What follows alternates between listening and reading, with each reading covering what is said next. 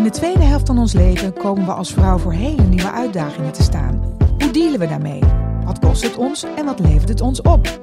Daarover praten we in deze special van Kaarten op tafel bij Margriet. En vandaag leg ik mijn kaarten op tafel met niemand minder dan Carina Schaapman en Leonie Jansen. Welkom allebei. Goeie, hi. En ik zal ze even aan jullie voorstellen voor het geval dat het niet dat je het niet weet. Maar Carina, natuurlijk ex-politica en inmiddels schrijfster en beeldhouwer. Heeft ontzettend bewogen leven uh, tot nu toe al achter de rug op haar jonge leeftijd. Heeft uh, vooral nu wat heel leuks om te weten, net weer een nieuw uh, muizenhuisboek uit. Een kerstmuizenhuisboek, hè? En de handelsmissieprijs gewonnen. Dus gaat het zelfs uitbreiden naar Amerika. Uh, nou ja, de muizenhuisboeken en producten zijn ook al in 33 verschillende landen te verkrijgen. En in 27 talen vertaald. Ze mega succes. Hartstikke tof. Uh, ze is moeder van vier kinderen die alle vier in het bedrijf werken. Dus dat is een heel mooi hecht clubje. Die heeft ze met Peter Schaapman gekregen. Uh, daarna, uh, toen die relatie uit elkaar viel, is met Elie Content. Dat was liefde op het eerste gezicht, grootste liefde. En um, die is helaas afgelopen mei overleden. En wat kaarten zijn geschud. En het thema van vandaag is weduwe worden. Dus we zitten, ja, het is niet zo heel vrolijk onderwerp in eerste instantie, maar misschien ook wel. Want naast mij zit ook Leonie Jansen. En Leonie Jansen is natuurlijk zangeres, ook presentatrice, actrice, theatervrouw, theatermaakster, regisseuse. Uh, ja, heeft zo ontzettend veel dingen gedaan. Op het North Sea Jazz Festival gestaan. Uh, Kinderen voor Kinderen Jeugdjournaal gepresenteerd uit de kunst. Um, heel veel theatershows, de eigen concert. Um, Leonie Jansen in concert tot en met 22 december 2022. En begin volgend jaar gaat ze weer met Karel Krijnhof uh, de polder in. Melancholie in de polder. Eigenlijk de hele, heel Nederland door. Hè? en uh, gaat ook nog met je solo-tour vanaf januari uh, weer de theaters in. Dus druk, druk, druk, druk, druk. En Leonie... Um, oh ja, je hebt ook nog boeken geschreven, zie ik. En ja, ik heb je even natuurlijk enorm gegoogeld. Maar belangrijk voor dit onderwerp is dat je getrouwd bent geweest met Onno Krijn. En die is in uh, 2015 overleden. Jullie hebben samen twee zoons. Nee, die zijn van een andere man. Oh, die zijn nog weer van een andere ja. man. Oh, gaan we het zo nog even over. uh, en inmiddels um, ben jij weer opnieuw in love ja. met Jeroen Kramer. Veel gebeurd. Um, voor mij is het ook een spannende podcast. Want mijn vader is twee weken geleden overleden. Dus ik ben dan geen weduwe, maar wel in de rouw. Dus ik uh, ben benieuwd of we het droog houden ja, vandaag. Ja. maar ik vind het ontzettend leuk dat jullie er zijn. En allereerst eigenlijk ben ik benieuwd dat uh, woord weduwe. Zijn jullie daar al aan gewend? Kijk even naar Carina, want bij jou is het nog heel vers. Ja, ook, ik heb mezelf nog niet zo geformuleerd, zeg maar. Maar toen dit onderwerp weduwe thema zeg maar voorgeschoteld werd, was ik wel heel blij dat er een andere weduwe kwam. Ja, ja, ja. ja. Heel raar, maar ja. Maar ja, we zijn dus weduwe. Ja, ja. ja. ik, ik hou wel van het woord. Ja? Ja, omdat het aangeeft dat je met iemand bent geweest die je bent verloren. Ik weet toch uh, heel goed dat ik voor de eerste keer... Ik ben een ontzettende wandelaar. En toen ik voor de eerste keer weer naar een stuk naar Santiago liep, kwam ik iemand tegen en die zei: eh, Ben jij single? Ik zei: Nee, ik, ik ben getrouwd, maar mijn man is dood.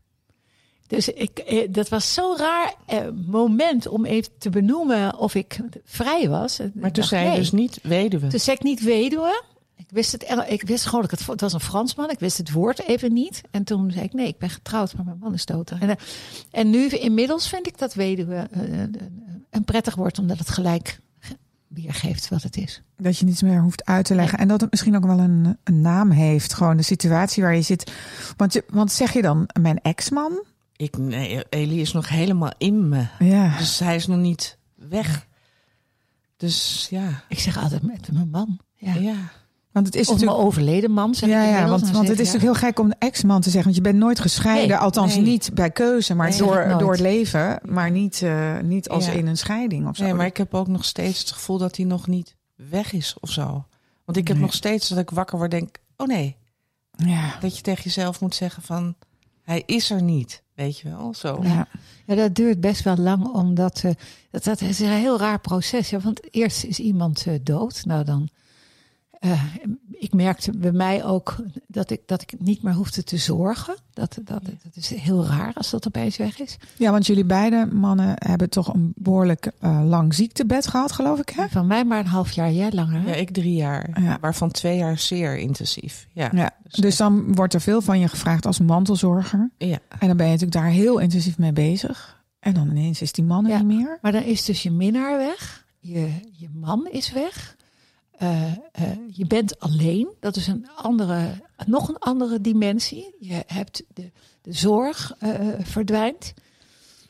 En dat waren dat. En ik was ook nog mijn beste muziekmaatje kwijt. En jij Ja. natuurlijk ook. Ja. Want jullie maakten waren natuurlijk heel erg door elkaar geïnspireerd. Ja, wij maakten beide kunst. En tenminste, ik decors, nou ja, ook kunst.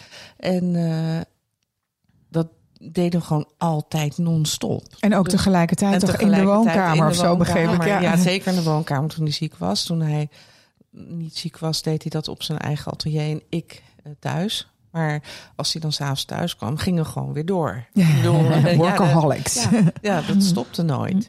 Dus, en we inspireerden elkaar heel erg. En we waren gewoon elkaars, ja, alles. Gewoon beste maatje en inderdaad, je laffer en je... Klankbord en je, ja, Ja. ja. Maar dan heb je inderdaad op het moment dat je dan alleen... Ja, in het begin dan de eer, ik weet nog de eerste paar weken... vond ik ook heel raar in één keer te merken van... ook al was hij echt geen eh, held... maar dat ik gewoon heel bang was thuis alleen. Weet je, dat, dat ik me zo ongelooflijk onveilig voelde... dat ik er gewoon niet van kon slapen. Oh ja, en ook, ik kon dus niet meer in ons bed slapen. Oh, Oh. dat heb ik ook gehad. Ja. Ik, liep, ik, ik sliep, eh, op een gegeven moment viel ik graag liever op de bank in slaap dat doe dan ik dus nu nog Oh. steeds. in het bed da- waar de lege plek was. Dat is bij Ik- mij Omdat het zo confronterend is? Ja, Ja, ja. Oh, jeetje. Ja, dat had ik trouwens Ja. eerder toen hij in het ziekenhuis lag. Want toen hij toen eh Onno overleed, heeft hij eh, anderhalve week in de kamer gelegen. Waardoor ik alweer gewend was aan het tweepersoonsbed Ja. zonder iemand naast mij. Maar ik herken dat gevoel Ja. heel erg. Ja, wij hadden dus. Het, hij had heel veel apparatuur om überhaupt in leven te blijven. En dan, daar heb je dan, als je uit het ziekenhuis komt, natuurlijk eerst zo'n eh, ziekenhuisbed voor met doorlichtmatras.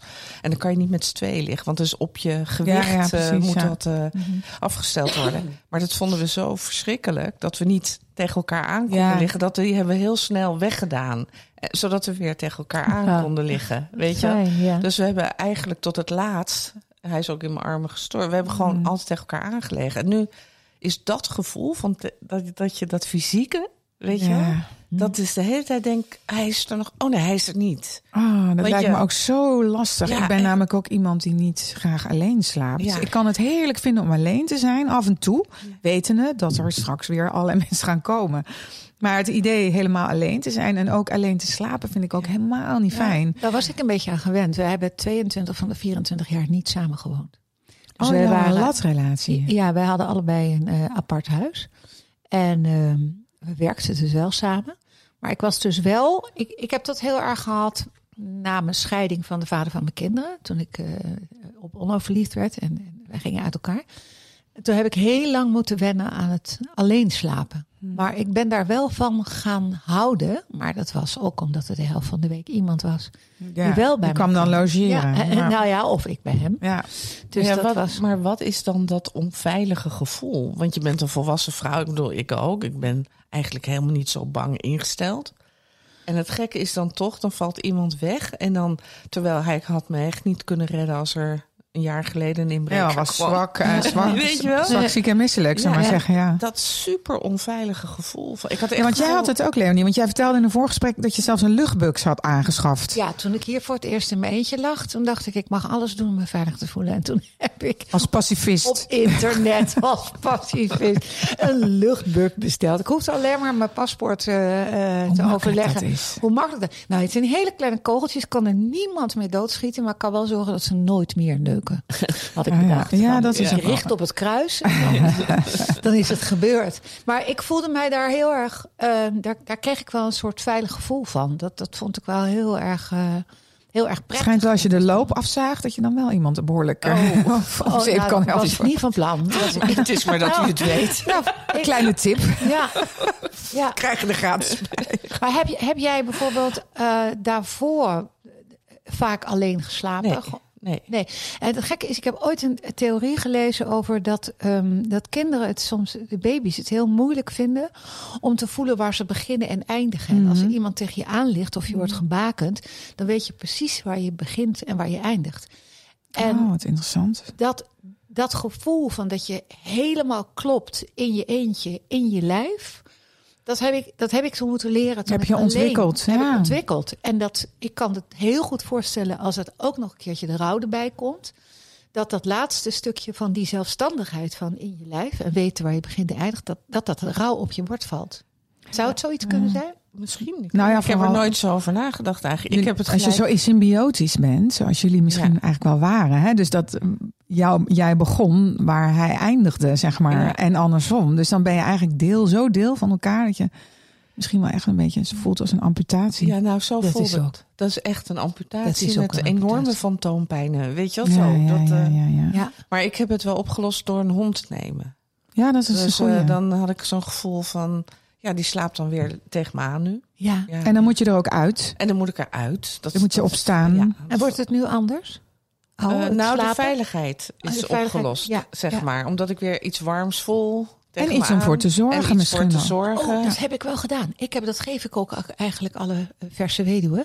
Dat is zo'n eh, klein kussentje, een warmhoutkussentje, wat je in de elektriciteit... Oh? Zo'n Een huidige elektriciteit vriend noemt achtig het- kussen. Ja, heb ik ook. Je Ja. huidige man, eh, je elektrische man noemt hij het. Ja, ja, En, maar die leg ik altijd op mijn buik. En dat heeft mij heel erg geholpen. Een soort kruik, maar dan Ja. elektrisch. Nou ja, nu met de verhoogde elektra-rekeningen kun je misschien toch beter weer naar een kruik. Ja. Hoewel dat water moet je dan ook weer eerst verhitten. Dus het kost natuurlijk ook stroom. Nee, vergeet ja. het maar hier. Een hond. Een hond, is ook Ja, lekker warm. Ja, mijn ja. hond die komt. En als mijn man er niet is, en die is vaak natuurlijk aan het optreden s'avonds en ook veel in het buitenland.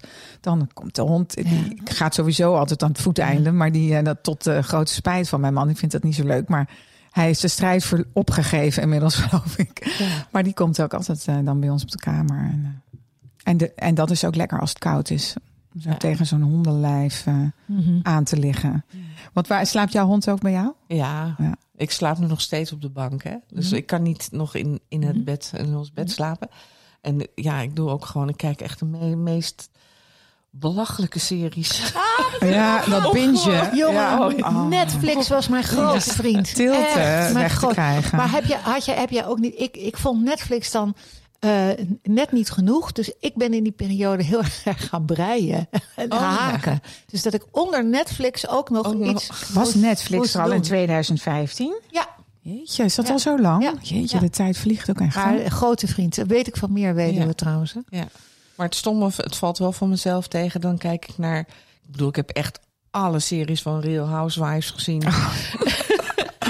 en die van Atlanta en die van Beverly Hills. En, Oh. en eh, Selling Sunset. Alles wat ik niet, Normaal. Niet bij me hoort, Ja. zeg maar. En, en dan eindeloos de Kardashians. Eh, Eh, oh, ja. Ik heb een tip. Married at First Sight Australia. Oh, Die ja? kun je ook lekker Ja. bingen. Dat is Oh, super ja? grappig. Ja. Oh. Dan zie je ook, dan, nou ja, dan ga je wel waarschijnlijk denken van, god, wat had ik het toch goed eh, met Elie. Want zelfs mijn man en ik, en we hebben best wel wat struggles achter de rug, maar kijken heel vaak en denken, oh ja, daar kan het op misgaan. Al die dingen waar het op mis kan gaan, zo'n Ja. relatie, waar je op af kan knappen. Dat je denkt, oh, we hebben eigenlijk best wel toch wel een heleboel dingen die goed gaan. Maar ik, de lichtheid en de oppervlakkigheid en de buitenkant van dingen, dat is heerlijk om je even om je in te verliezen. Ja, en ik val die- erop in slaap. Ja, Weet Ja. je wel? Dus Ja. het is een heel Ja. goed slaapmiddel. Ja. Van, En dan En- niet in die stilte, in dat eh, zwarte Ja. gat eh, terechtkomen.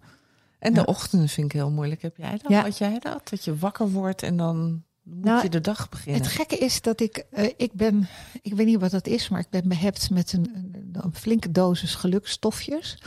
Dus ik ben niet, ik werd niet heel erg ongelukkig wakker, maar gedurende de dag ging het wel beter met mij, omdat ik het dan weer beter kon, kon plaatsen. De ochtend, ja, soms valt het rauw op je dak. Wat was er ook weer? Oh ja, hij is dood. Dat. ja.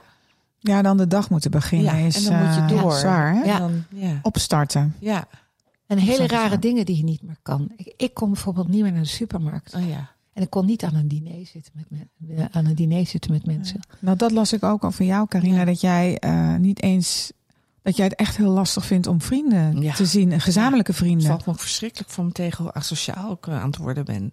Maar dat het te confronterend is om ook dat verdriet van hun... Ja, eh, nou, het heeft ook wel te maken met een soort energielevel van... Ik heb zulke zware jaren achter de rug waarvan... Kijk, Elie moest elke 2,5 uur geholpen worden met van alles en nog wat. Ik moest heel veel medische handelingen doen.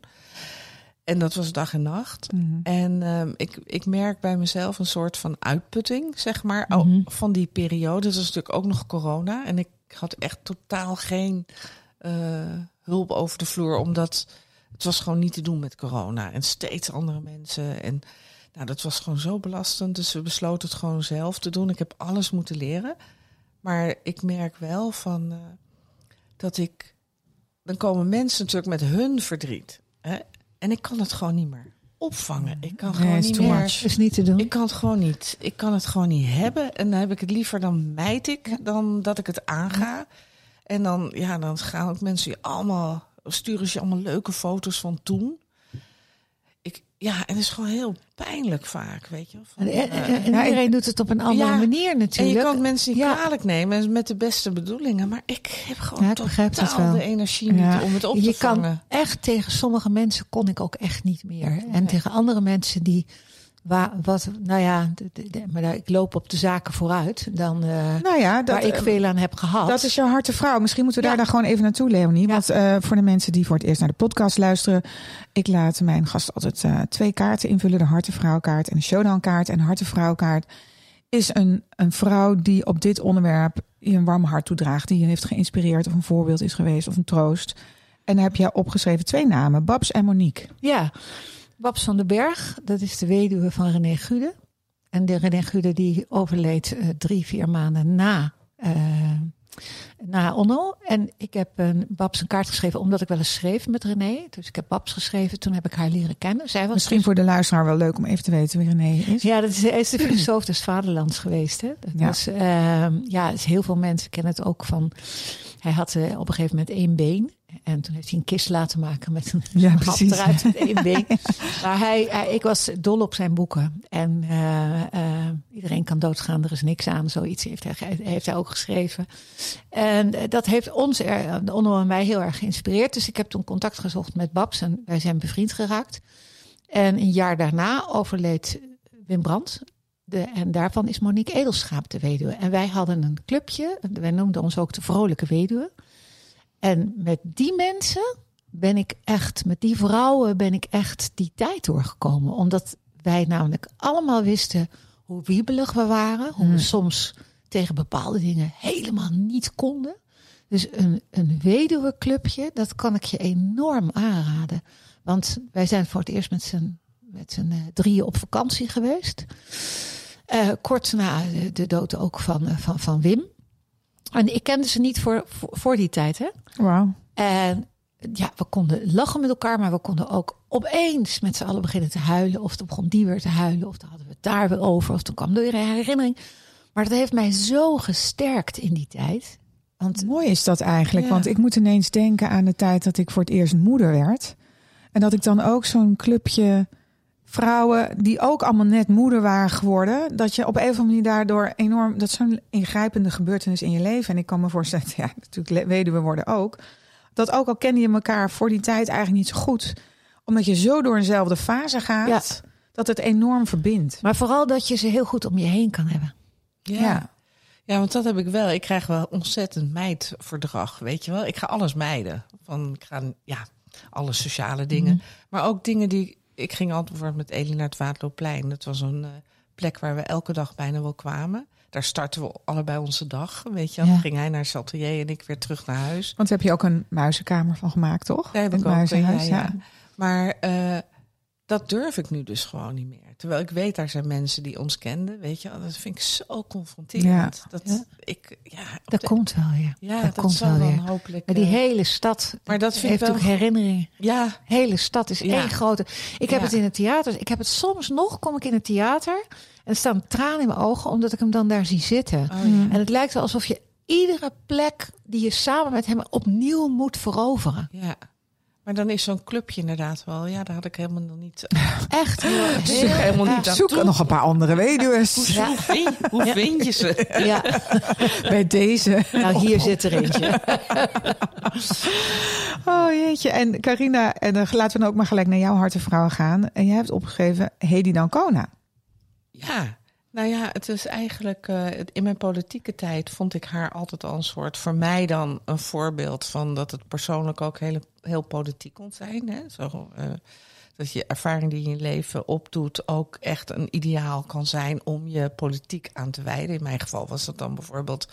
Ik hield me heel erg bezig met onderwerpen over kindermishandeling. Of eh, het belang van goed onderwijs. weet je wel, dat Mhm. soort dingen. En daar vond ik haar toen al een soort van voorbeeld in. En ik zag haar een tijdje terug in een ehm, interview met Harry de Winter. Mhm. En zij is natuurlijk ook, eh, ze heeft ook haar man verloren. En eh, zij kon eigenlijk met zoveel vrolijkheid en, en wijsheid en ook weer goed verwoorden. Ja, dat ze echt haar maatje is verloren, weet je wel. Mhm.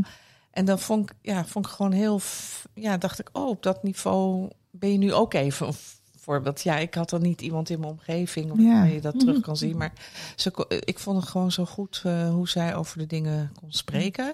Dat ik dacht Ja. van ja, daar, daar heb ik wat aan. Ja. En dat ze ook nog de humor behoudt. Weet je, dat je Ja. dat niet allemaal kwijtraakt. Dat, dat, ja, dat sleep je er vaak ook wel doorheen. En nou, dat dat er ook mag zijn. Hè? Dat je ook gewoon mag lachen. En eh, niet alleen maar de hele tijd eh, heel somber hoeft te zijn. Mijn hartenvrouw, ik had die ook opgeschreven, is mijn eh, stiefmoeder José. Die natuurlijk ook net haar Nee. man is verloren. Die ook, eh, nou, hoe lang waren ze samen? Eh, ik geloof, nou ja, 39 jaar of zo. Echt heel lang. En eh, die heb ik nog even gebeld vanochtend in de auto onderweg hier naartoe. En het was ook meteen weer janken geblazen natuurlijk. Want het is natuurlijk nog super vers. Maar ehm, ook uit dankbaarheid, omdat zij heeft ook net zoals jullie intensief mantelzorg verleend aan mijn vader. Maar zo, ja, intens, eh, omdat het ook dag en nacht zorg vroeg. En eh, dat heeft ze zo liefdevol eh, gedaan, bijna zelfloos. Dat had ook niet heel veel langer meer mogen duren, want dan was ze daar zelf aan onderdoor gaan. Maar daar ben ik haar ook ontzettend dankbaar voor. En hoe ze dat gedaan heeft met zoveel warmte en liefde en respect. En nooit het gevoel gegeven van. ehm, nou ja, als, dat, dat hij altijd nog die man mocht zijn die hij eigenlijk was, natuurlijk. Want het was een hele intelligente, ehm, ja, intellectuele persoon. En dan zo aftakelen is natuurlijk eh, wel ehm, pijnlijk. En dat iemand je dan zo in je waarde laat. En eh, hij maakte altijd nog de champagne open, weet je wel, als we kwamen. Dat, eh, al duurde het een kwartier, weet je wel, dat maakt niet uit. Dus dat vond ik, daar ben ik haar heel dankbaar voor. Maar dat vond ik dus wel lastig toen Elie was overleden. Dat zoveel mensen tegen me zeiden eerst van, nou, hoe oud is die? 78? Oké. Oh ja, maar eh, oké. Ja, ja. Ja. Nou, maar het is wel fijn, dan hoef je niet meer voor hem te zorgen. Maar hoe zwaar de zorg ook was, het was echt geen last. Hm. Want wij zeiden echt de hele tijd tegen elkaar. Ik bedoel, we zaten totaal geïsoleerd met z'n tweeën. Ja, Eh, corona heeft jullie natuurlijk helemaal Ja, nog in een bubbel geduwd. Maar wij hadden, zeiden tijd tegen elkaar... we willen zo wel met alle belemmeringen die hij had... gewoon wel honderd met elkaar worden. Het was Ja. voor ons, weet je wel, gewoon heel fijn. Heel, dus, en dan zeiden mensen ook pas goed op jezelf, weet je wel. Ja. Maar toen dacht ik, ja, maar het gaat gewoon... Het, zorg voor iemand waar je van houdt. Dat gaat, dat gaat gewoon gelukkig, blijkbaar... heb je dan het vermogen om dat te doen. En natuurlijk ik snap ook wel dat het vaak misschien niet gezond is of whatever. Maar dat vind ik dus last, lastig met opmerkingen nu van mensen die dan zo hard in één kunnen zeggen: Mm. Oh ja, maar hij was al achter. Ja. ja, maar hij was heel jong van geest. En hij ja, sommige mensen worden honderd. Ja. Heel graag wilde die leven. Hij was nog niet klaar, Ja. weet Ja. je wel. Ja. Dat vind ik best wel Maar dat met de mantelzorg, eh, ik heb het eh, misschien het tegenover. Ik ben getrouwd geweest met een arts, daar heb ik twee kinderen van. Mhm. En daarna kwam, eh, was ik dus met Onno. En iemand hier van de zorg zei tegen mij, Leonie, er is maar één vrouw. En er zijn een heleboel verpleegsters die dit kunnen doen, wat jij doet. Mhm. En ik, ik, ik hou wel een ja, het is een beetje stom te zeggen, maar ik hou wel van, van medische handelingen, omdat ik er helemaal niet bang voor ben. En ik Mhm. vind het prima. Dus ik heb juist geprobeerd mij een beetje terug te trekken uit de medische handelingen om zijn vrouw te blijven. Maar jij, ik denk dat dat ook voor iedereen persoonlijk Ja, anders ligt. Want ik, ik was nog op tournee, dus ik heb natuurlijk de laatste maand niet meer getoerd. Maar daarvoor moest ik gewoon s'avonds ook weg. Dus ik Ja. moest ook de zorg aan andere mensen kunnen overlaten. Nou ja, en dat denk ik ook is ook een verschil als je. Jullie werkten natuurlijk met elkaar. Eh, jullie werkten thuis. En dat kon ook doorgaan. En er was corona, dus je Ja. kon ook Ja, niemand erbij ook hebben. Dus, Dus, dus het, bedoel- maar, maar het was niet zo dat je, dat je andere leven heel erg stopte. Dat was je leven eigenlijk al. Hè? Ja. Thuiswerken en, en, en, en Ja. je kunst maken. En dan op een gegeven moment samen met hem misschien nog wel extra leuk om dat samen te kunnen doen. Ja. In jouw geval, Leonie, jij moest daar voor de deur uit. En dat Ja. stopt dan. En dan is dat misschien ook wel lekker om dat gewoon ook weer op te kunnen pakken. Ja. Want dat is ook iets wat jou natuurlijk als mens heel erg gelukkig maakt. Ja, ja. Ik ben eh, wel eh, vanaf de kerst eh, thuis gebleven. Want hij is eind januari overleden. Maar ik ben vijf weken daarna gaan toeren. Er stond een tour met Erik Vaarzel Morel. En die was heel erg goed voor mij. Omdat die, die zei namelijk de hele tijd tegen mij... je mag alles doen. Je mag ook ophouden. Je mag, mag alles doen. Ik zeg, nee, ik wil ontzettend graag werken. Ik heb natuurlijk wel met, met de liedjes heel erg zitten voorhuilen thuis. Sommige liedjes kon ik, kon ik niet zingen. Nee, De andere oh die hebben me gewoon ja. vervangen. Nou ja, sowieso met emoties en stem. Ja, je keel gaat letterlijk dicht. Hè? Ik vond, het, ik vond het heel fijn om wel op tournee te gaan. Ja, dat snap ik heel goed. Snap ik heel En goed. sommige mensen vinden het weer heerlijk om eh, op de bank te liggen. En andere mensen vinden het weer heerlijk om, eh, om erop uit te gaan. En de, de kroegen en andere mannen te versieren. Ken ik ook. Ja. Iedereen heeft zo zijn eigen... Ja, maar rouw gedraagt zich ook heel grillig. Want ik had toevallig van de week een begrafenis waar ik een woordje heb gehouden. En het gekke was, dat gaat me dan heel goed af. Terwijl Ja. dat echt heel, nog heel vers allemaal is. Maar toen liep op dezelfde begraafplaats. Toen was ik als de dood dat ze in de buurt van Eli kwam te liggen. Want ik durf nog niet naar Eli's graf.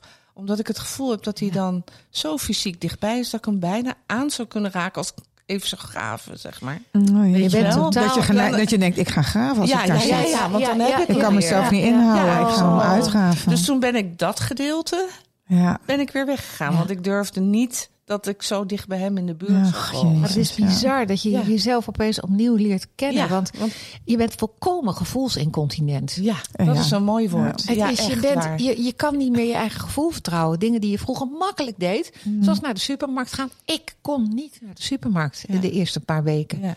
Zo, Dus dat kan je ook niet. En zelfs een paar jaar daarna, dat ik zoveel kon en dat ik gelijk kon optreden, was er één nummer wat, wat waarom verzocht werd. En ik kon het gewoon niet zingen. En, ik, Mm.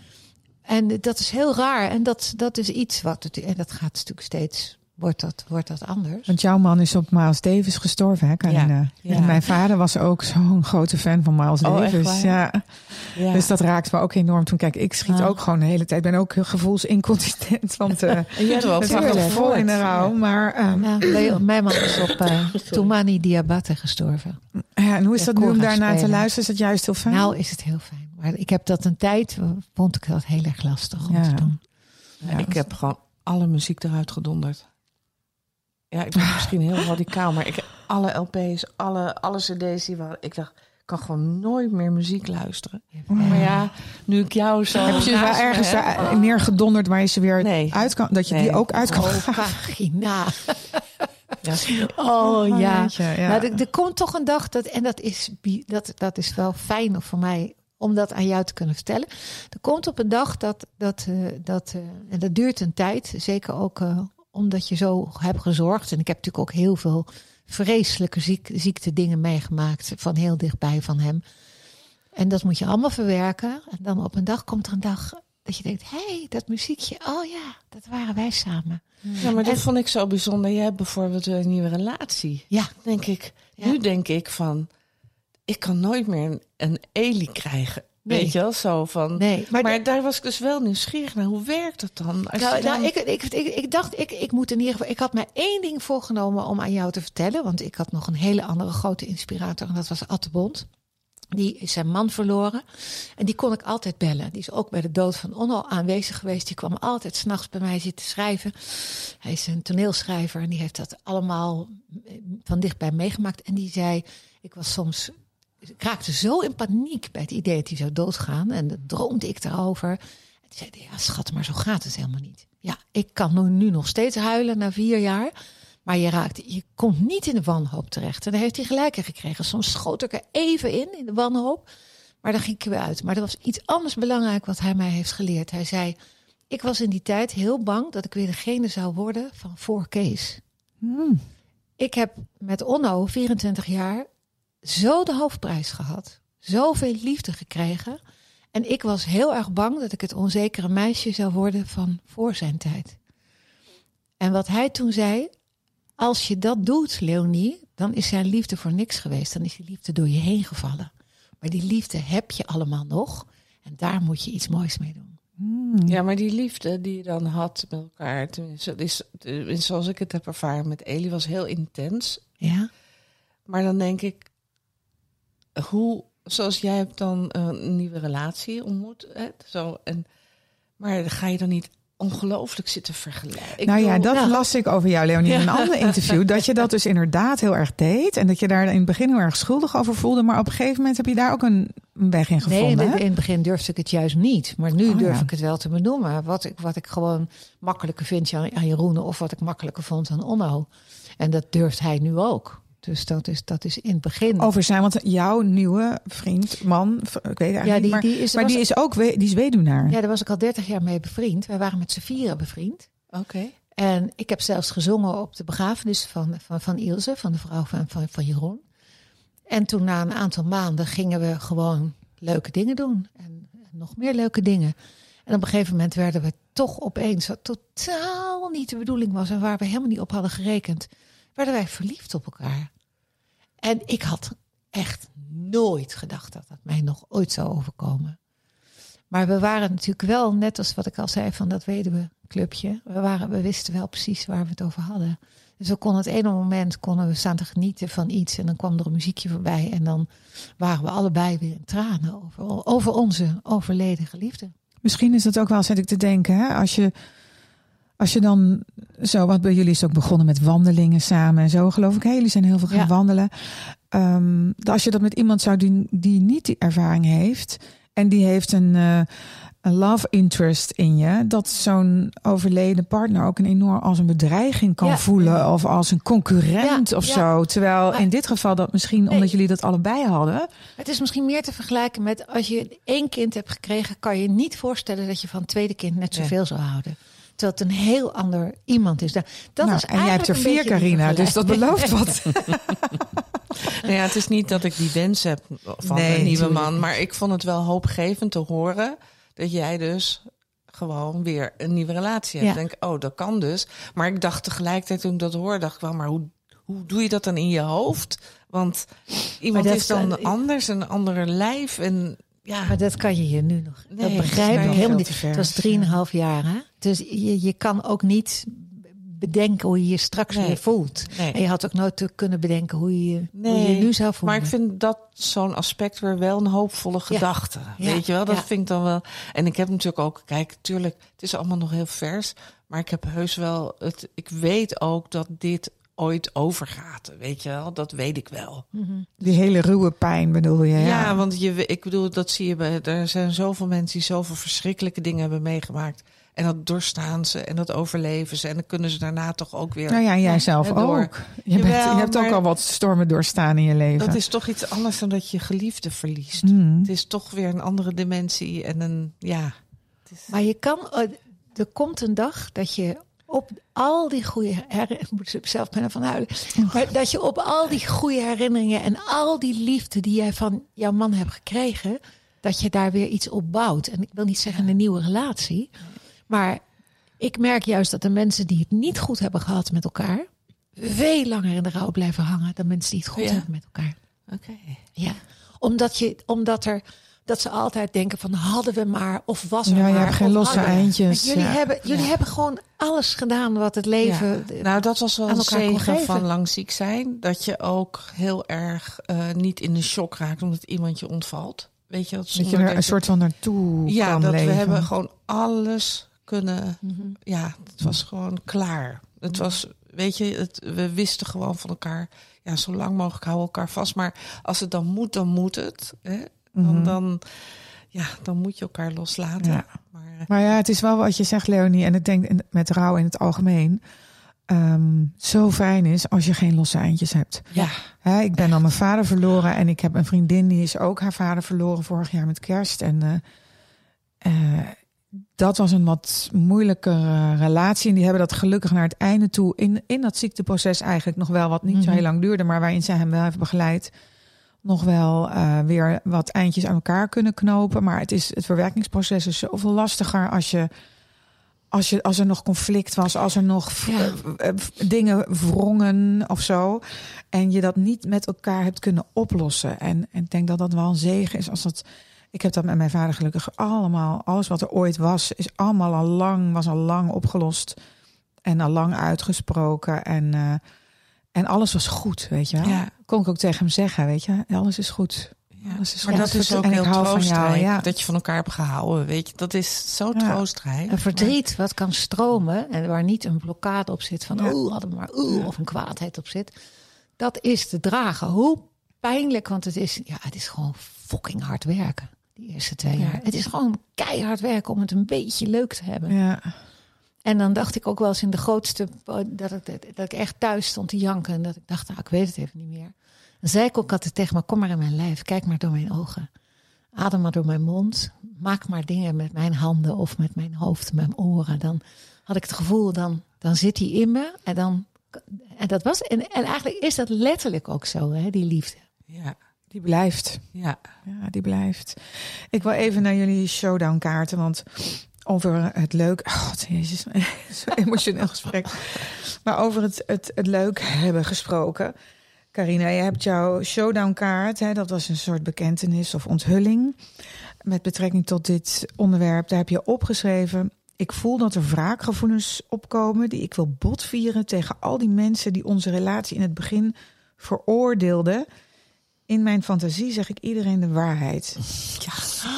Er komen van die kanten boven die je ook niet hebt bedacht van tevoren.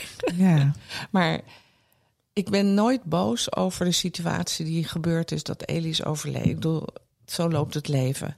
Maar het gekke is, dat in, in deze rouw kwam er dus heel erg naar boven... dat ik met terugwerkende kracht heel erg boos ben op al die mensen die ons zo veroordeelden. wat was dat zo en waarom was het zo? Nou ja, ten eerste, wij verschilden 17 jaar. Dus krijg Dat mag niet. Dat dingetje. We hadden allebei een relatie. Dus je krijgt van de ene kant en van de andere kant een ongelooflijk gedoe over het feit dat we samen wilden. Weet je, want Mhm. we moesten allebei een relatie loslaten. En bij mij ging dat heel vloeiend, bij hem minder. Maar het gekke was dat hij zat heel erg in een kunstzien van veel kunstenaars. En wat mij rauw op mijn dak viel, is dat hij heel bekrompen Zo reageerde. veroordelend. Ja, dat zou je juist niet verwachten. Ja. je dacht van nou lekker Zo lekker geest. Ja, ja. Weet je wel zo. En zelfs tot nu mensen nog bijvoorbeeld mij negeerden om het feit dat ik met hem ging. Weet je wel zo. Nou, en daar heb ik eigenlijk in de hele periode dat we met elkaar waren, had je tegen elkaar zei, ah, weet je, laat het gaan. En dan had je het erover, want dan was er weer een incident geweest en dat teruggreep op dat, dat we met elkaar zijn. En dan, eh, dan had je nog gewoon dat je tegen elkaar kon zeggen van, weet je, laat toch Ja, ja, lekker, lekker laten lang, we eh, donderhoop. ja, Ja. zo. Ja. Maar dat valt natuurlijk weg. En het gekke is Dat je nu dat onrecht eigenlijk nog wil rechtzetten Ja, voor en- hem. Ja, op de een of andere manier wil ik bevechten van we waren wel voor elkaar bestemd. En wat nou met al je oordelen en je. En dat, dat ik helemaal zo in mijn fantasie. Weet je, als zit ik helemaal wraak. Nou ja, vertel het Ja. hier. En misschien luisteren ze Ja. en dan weten Nee, ze dat het, het- over hun gaat. Het stom Je is, staat ervan te kijken voor jezelf. je Ja. staat echt dat je Ja. denkt van dat ik daar nou nog mee ga zitten. Ja. Ik bedoel, hallo. Maar Ja, is het misschien ook niet een beetje omdat ze. hè, omdat je doordat hij dood is, dan denkt van, nou, jullie hebben godverdorie zin gekregen. Van nu zijn we niet meer samen. Nee, meer van eh, hoe durf je? Ja. Van Ja. hoe durf je een oordeel over wat wij hadden te vellen en daar ook gedrag Ja, naar te ja. vertonen. Terwijl wat we hadden was zo puur. Zo, weet je, ja, dat, dat meer. Of ja, ik heb ook wel de neiging dat ik hem heel erg wil verdedigen. Ja. Weet je, omdat natuurlijk ja, in dat soort omstandigheden werden altijd dingen gezegd van ja, hij was een womanizer. Hij was helemaal geen womanizer. Ja, hij hield van vrouwen. Nou, dat mag. Maar eh, weet je, allemaal dat soort hele kleine... Ja, als je dat zo betitelt met zo'n woord, dan wordt het iets plats wat het ja, dan, dan helemaal wordt niet het iets was. plats, Ja. weet je wel. En, dan, en dat soort dingen komen dan allemaal boven. En dan denk ik, dan zit ik tegen mezelf zeggen... Vergeet het, want ik word er echt gewoon heel razend over. Ja. Dus ik moest die Oh, showdown ik vind het wel eh, heel interessant. Het is eh, een weduwerazernij, zouden we dit kunnen noemen. Maar jij hebt eh, bij je showroom weduwe anarchie. Dus Ja. dat is ook zo'n woord waarvan ik niet zo Ja. goed weet wat dat dan is. Leg eens uit, Leni. Nou, ik, ik sprak een andere weduwe en ehm, die, was, eh, die had altijd een hekel gehad aan de elektrische apparatuur van haar, van haar man. Dus die had een, eh, die had een, eh, een garage vol met eh, cirkelzagen en airco's en elektrische dit en elektrische dat. En toen hij dood was, heeft ze het allemaal bij het grof vuil neergezet. en ik had eigenlijk hetzelfde, zo ook zo'n weduwe-allergie van... eh, mijn, mijn man wilde nooit naar Oerol. Dat vond hij niks. Dus ik ging, ben gelijk dat eerste jaar naar Oerol gegaan. En hij wilde ook nooit een caravan op ons land. Ik heb gelijk een caravan op het land gezet. En het is een soort anarchie van. eh, en, ja, dat, dat vond ik wel heel erg grappig om te ontdekken. Eigenlijk is het eigenlijk net zoiets als jou. Daar had ik nooit gedacht dat ik dat zou doen. Maar er waren toch dan een aantal dingen waarvan ik dacht, nou, dat, nou ga ik het lekker wel doen. Bizar, hè? Ja, alleen ik ga het niet doen. Ja, jij Dus gaat ik hou niet- het in mijn fantasie, weet je wel. Maar Je gaat ze eh, Nee, niet nou, allemaal omleggen met de Nee, luchtbugs. dat is waar. Maar jij hebt wel alle LP's eruit het. Nee, maar dat is meer om Dat je het niet- dat het, nee, dat is meer dat ik het niet kan verdragen. Nee, dat begrijp ik, hoor. Maar Dat andere ja. is meer dat ik bedoel, dat zal ik niet doen, maar het valt vies van me tegen dat ik in mijn fantasie dus al die mensen Ja. wel. Ik vind het toch, en ik denk dat woede namelijk ook een schoonheid op zich is. Dus ik zou het toch eens eh, of opnemen of eens opschrijven. Er zit misschien nog iets moois achter waar je. Ik vond het ook fijn, want ik ben nu blij dat iedereen bij mij kan logeren in een caravan. Ja. En ik vond het ook fijn om dingen, om, om dingen te mogen doen die hij misschien niet leuk had gevonden, maar wel voor mezelf. Dus ik zou, het- ik zou, ik vind wel, eh, ik zou dat. Het is in ieder geval een soort kracht of zo'n Ja. force in je. Misschien is het ook wel een, een soort overlevingskracht. eh, Wat, wat je op de been houdt of zo. Al is het dan boosheid Ja, of zo. ik vind het meer een soort kinderachtigheidje wat dan wat je in jezelf Maar dat is intellect wat waarvan je dan ja. denkt van, nou, eh, weet je wat, doen we even normaal. Maar omdat je vroeg om een showdown Ja, ja, kaart, ja. dacht ik, nou, dat is wel iets waar ik nu echt mee moet dealen. De- Ik had zelfs van de week, dacht ik, ik, ik reed op de fiets in een buurt waar ik iemand nog wel eens de waarheid zou willen zeggen daarover. Ja. Dacht, als ik hem nu terug zeg, gewoon, je bent gewoon zo'n grove klootzak. Maar ik dacht, nee, dat moet je niet doen. Weet je wel? Ja, ja, ja. Dat moet je gewoon niet doen. Ja, Maar-. Maar ja, het is wel... En toch is het een interessant, toch is het iets wat in jou eh, beroept. En misschien geeft woede je ook een bepaald soort eh, energie en een soort ook, kracht. En eh, ja, Nou ja, en wat belangrijk denk ik is, eh, en waarom ik die showdown-kaart ook gevraagd heb, met- zeker op dit onderwerp, is, kijk, daar luisteren nu ook vrouwen die in een soort gelijke situatie zitten. En ik denk dat er zoveel van dit soort emoties zijn waarvan je denkt, ja, wat mag ik eigenlijk niet voelen? Of dat is eigenlijk niet oké? Of ben ik nou gek aan het worden? Of... En ik denk dat dat heel troostend is om te horen van, oh, ik, die- want iedereen heeft volgens mij dit soort gekke dingetjes. Eh, als je zo eh, geconfronteerd wordt met die, ja, met, met, met iets wat, wat zo, eh, ehm, ja, hoe moet ik dat nou zeggen? Alles omvattend en zo in het leven, Ja. in de puurheid van leven, en hoort doodgaan ook bij, dat je zo eh, teruggeworpen wordt aan, aan een soort van kern, naar een soort van kern of naar een soort van ja, hele basisgevoelens, hele oergevoelens ook. Dat er van allerlei gekke dingen naar boven kunnen komen. En dat dat dus gewoon ook oké is. En dat je jezelf dat, dat ook toestaat om, om dat te voelen. En dan hoef je die mensen niet uit te gaan schelden. Want die voelen zich waarschijnlijk al Nee. erg slecht genoeg Nee. daarover. Maar wel, Oh, jullie zijn toestaan- niet bewust dat ze ooit. nou, maar waarschijnlijk het ook is wel niet. lekker om er niet dat je het mag oordeel over hebben. Ja, dat, dat je dat, mag ja, hebben. En dat het gewoon helemaal oké is. En ook menselijk en, en, en, en logisch en zo. Dat al die dingen gewoon helemaal oké zijn. Ik vraag me wel af, Leonie, want voor jij zit nog helemaal, hè, Carina, in de, in de fase van... Ik, ik kan die mensen nog even niet zien. Ik kan Mhm. nog niet naar bepaalde plekken toe. Hoe, hoe, hoe, komt dat, hoe kom je daar uiteindelijk wel weer? Nou, ik denk dat, dat het begint met alles accepteren van jezelf wat je voelt. Ik denk dat het daar begint, want daar word je zelf ook leuker van, zeg maar. Dat allemaal maar even doen. Ik ken weduwen die een jaar lang op de bank hebben gehangen. En mensen die de volgende dag al zijn gaan werken. Het, het verschilt. En ik heb ook een vriendin die, die het liefste met de hele straat gelijk wilde doen. En ik, ik vind dat allemaal. Dat zijn, Het mag allemaal. Ja. eh, Je mag dat allemaal voelen. Niet dat je het allemaal hoeft te doen, wat jij ook zegt. Maar je mag het allemaal voelen. Want het zijn allemaal nieuwe dimensies in jezelf. Wat, wat jou ook weer meer maakt dan je, dan je al was. Want je kent jezelf niet in deze omstandigheid. En ehm de- de- er verandert veel. De, de- bij mij was echt na 2,5 jaar ontstond er een grote verandering. Toen dacht ik echt, oh, het, oh ik, ik, ik hoef er niet meer de hele dag aan te denken. En ik, hoef, eh, ik kan gewoon naar zijn, zijn, zijn, zijn beeldenis gedag zeggen zonder dat ik moet huilen. Of toen, na 2,5 jaar was bij mij de ergste rouw over. Nog even afsluitend, kort. Als je nou zou moeten zeggen tegen die andere vrouw die hier luistert, die haar man of partner is kwijtgeraakt. Heb je dan een soort advies of tip? Of het klinkt altijd zo banaal, maar Maar ik vond eigenlijk wat Leonie zei, dat zij andere weduwen had opgezocht. Dat vind ik wel eigenlijk, ja, ik had nooit op het idee gekomen. Ik ken ook geloof ik niet op het ogenblik. Maar goed, dat, dat je daar... Ik Nou, Hedy? Ja, maar, maar ik ken haar niet. nou, Hedy Dus- komt ook in de podcast. Misschien kunnen we jullie aan elkaar koppelen. En Leonie.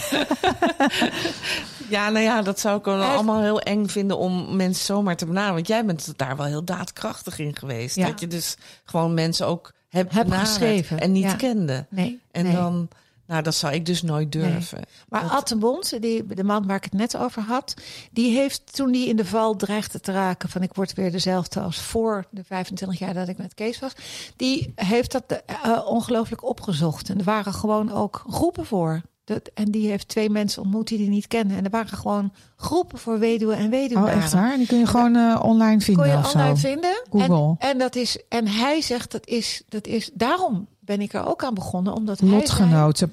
Lotgenoten was het, was het beste, is het beste medicijn. Oh, En het is zo heerlijk om te horen dat de ene de boel eh, kort en klein wil slaan. De andere wil mensen uitschelden. De andere wil luchtbuks. luchtbuks kopen. Ja. Maar dat is gewoon zo fijn om dat, om dat van elkaar eh, eh, te, te horen. En daarin Ja, even te mogen bestaan. Komt dat dan omdat je een soort knik krijgt in degene die het dan nog niet hebben meegemaakt? Ja. Wat het betekent? En Nou. Ik vond het moeilijk om met mensen aan tafel te zitten die het gewoon over de spaghetti konden hebben. Terwijl ik dacht, ik ben mijn man verloren. En het wordt niet benoemd, weet je wel. Ook, ook dat als mensen het niet benoemen, werd ik ook helemaal gek.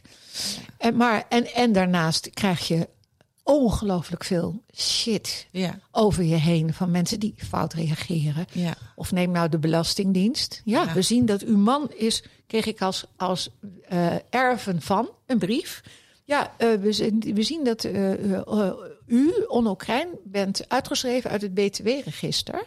Als u weer aan het werk gaat, zou u dat ons zo spoedig mogelijk willen melden. Oh, jeetje, ja. Ik heb de. Belastingdienst opgedaan. Zegt, moet hij ook BTW betalen in de hemel? Hoezo? Ja.